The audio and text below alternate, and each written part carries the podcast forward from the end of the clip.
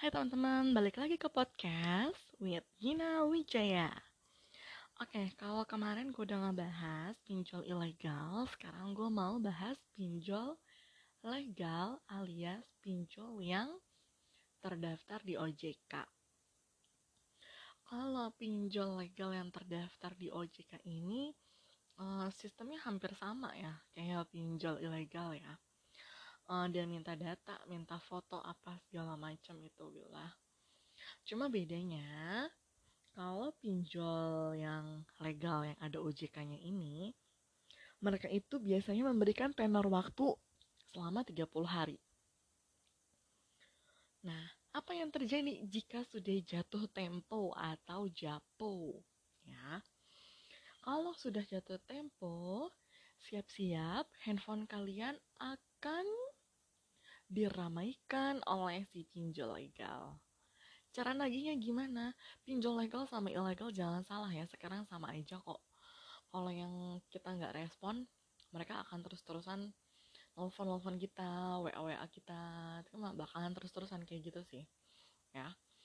Dan sepengalaman gue dengan pinjol legal, ya mereka romantis sekali ya mengirimi SMS WA dengan segala macam. Kapan bayar pak? Kapan bayar bu? Kapan bayar pak? Kapan bayar bu?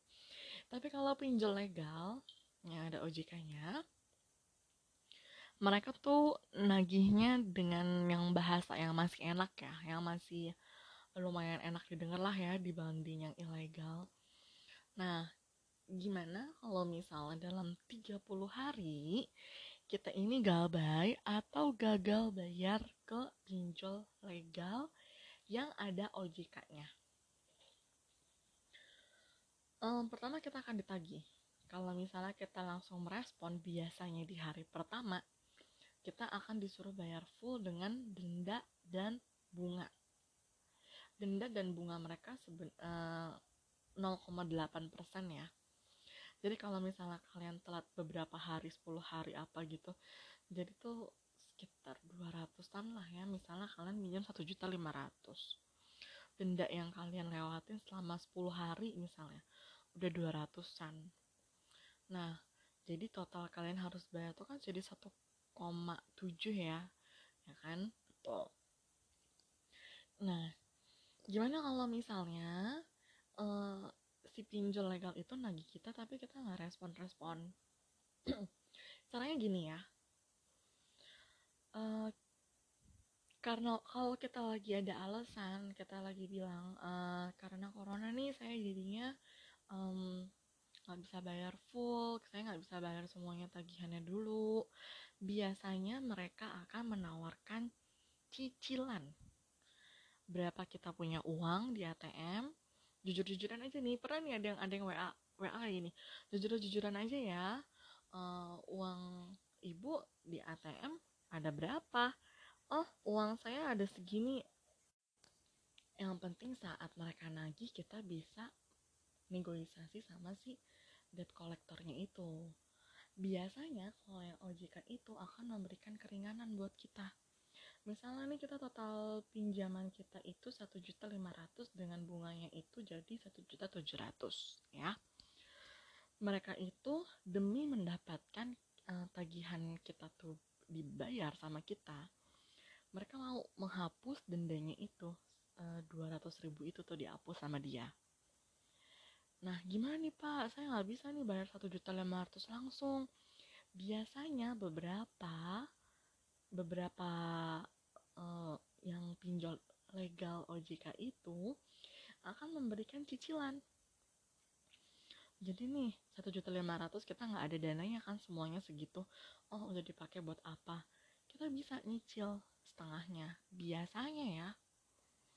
Dan ada pula yang enggak mau menghapuskan denda tapi kita bisa bisa nyicil. Kita nyicil. Tapi kalau bisa kita tanya program keringanan mereka ada nggak kira-kira program keringanan dari bapak? Saya mau bayar tapi ada nggak program keringanan? Jujur saya kalau segini nggak sanggup. Biasanya mereka ada dengan menghapuskan denda menghapuskan bunga. Jadi kita bayar pokoknya bayar pokoknya kita masih nggak bisa kita cicil. Biasanya begitu. Kalau pinjol legal OJK itu nyebar data nggak? Enggak ya? Setahu aku selama ini sih enggak cuma kontak kita tuh ditelepon sama mereka. Kayak ditelepon teleponin itu tolong dong saudari ini bayar saudara ini bayar gitu kan.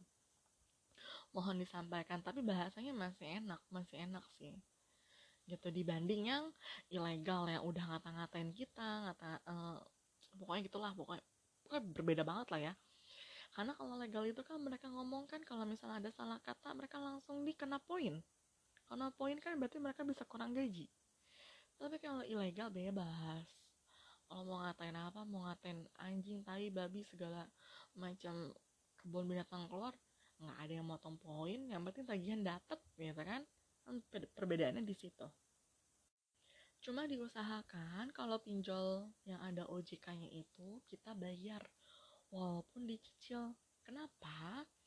Karena mereka pengaruh ke BIC BI checking ya. Jadi kalau uh, keslik ya keslik ya kalau nggak salah ya.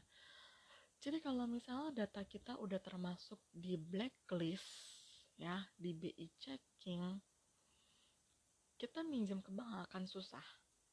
Walaupun yang minjem bukan kita. Ya kayak contohnya gue nih nama gue bersih nih. Tapi pasangan gue laki gue ini satu kakak sama gue. Satu kartu keluarga yang punya pinjaman dia doang gue mah enggak tapi karena laki gue lagi ada pinjaman dan belum lunas semuanya pengaruhnya dampaknya ke gue gue jadi nggak bisa minjem ke bank Nah, jeleknya di OJK tuh di situ. Jadi mau nggak mau kita harus bayar walaupun itu dicicil, bayarlah sampai lunas. Kalau bisa kita minta program keringanannya mereka tuh apa? Apa yang bisa meringankan uh, hutang kita? Mau dicicil kah? Atau mau mau dikurangin dendanya kah? Kalau kalian sanggup nggak bisa dicicil ya udahlah kurangin dendanya aja lah. Kurangin dendanya masih nggak sanggup juga ya udahlah dicicil aja lah gitu. Yang penting lunas. Yang penting kalau OJK itu ngomongnya baik-baik sih enak sih. Tapi gue nggak tahu ya tapi ada yang beberapa bilang OJK itu yang ada OJK-nya naginya itu kasar sama aja kayak ilegal. Ini pinjol legal tapi rasa ilegal tuh banyak banget yang bilang tuh di forum-forum tuh ya. Tapi gue sejauh ini sih gue belum ngerasain. Jangan sampai sih. Untuk DC lapangan tahu gue dari forum-forum itu ya gue nggak pernah sih datang DC lapangan. Kalau gue sendiri ya cuma kalau di forum-forum itu bilang yang didatangin DC itu adalah kredivo dan aku laku jadi baik-baik nih ya yang punya kredivo dan aku laku mereka itu katanya debt kolektornya tuh beringas-beringas loh. Sampai lo tuh bakal diteleponin dan apalagi kredivo ya beringas banget. Pokoknya baik-baik deh walaupun OJK juga dia tuh beringas ya. Sangat-sangat tidak disarankan untuk kredivo begitulah. Ada yang bilang sih begitu jangan kredivo ya pokoknya intinya intinya gitu lah ya ada uang ya bayar kalau nggak ada gimana solusinya? Biasanya mereka ada solusinya biasanya. Kan pasti kan mereka kan juga ada tata cara prosedur prosedurnya tuh. Tertata begitu kan? Enak bahasanya enak bener-bener enak. Mereka tuh uh, walaupun udah emosi kayaknya tuh gimana ya? Tapi mereka masih bisa meredamnya lagi di WA WA di telepon begitu. Kalau untuk di telepon sama DC yang uh, legal. Gue sering banget tapi gue nggak pernah ngangkat. Males aja gitu. Gue lebih demen WhatsApp uh, chat chat aja di WhatsApp. Gue paling males deh kalau telepon kalau bukan gibahin orang. Astagfirullahaladzim.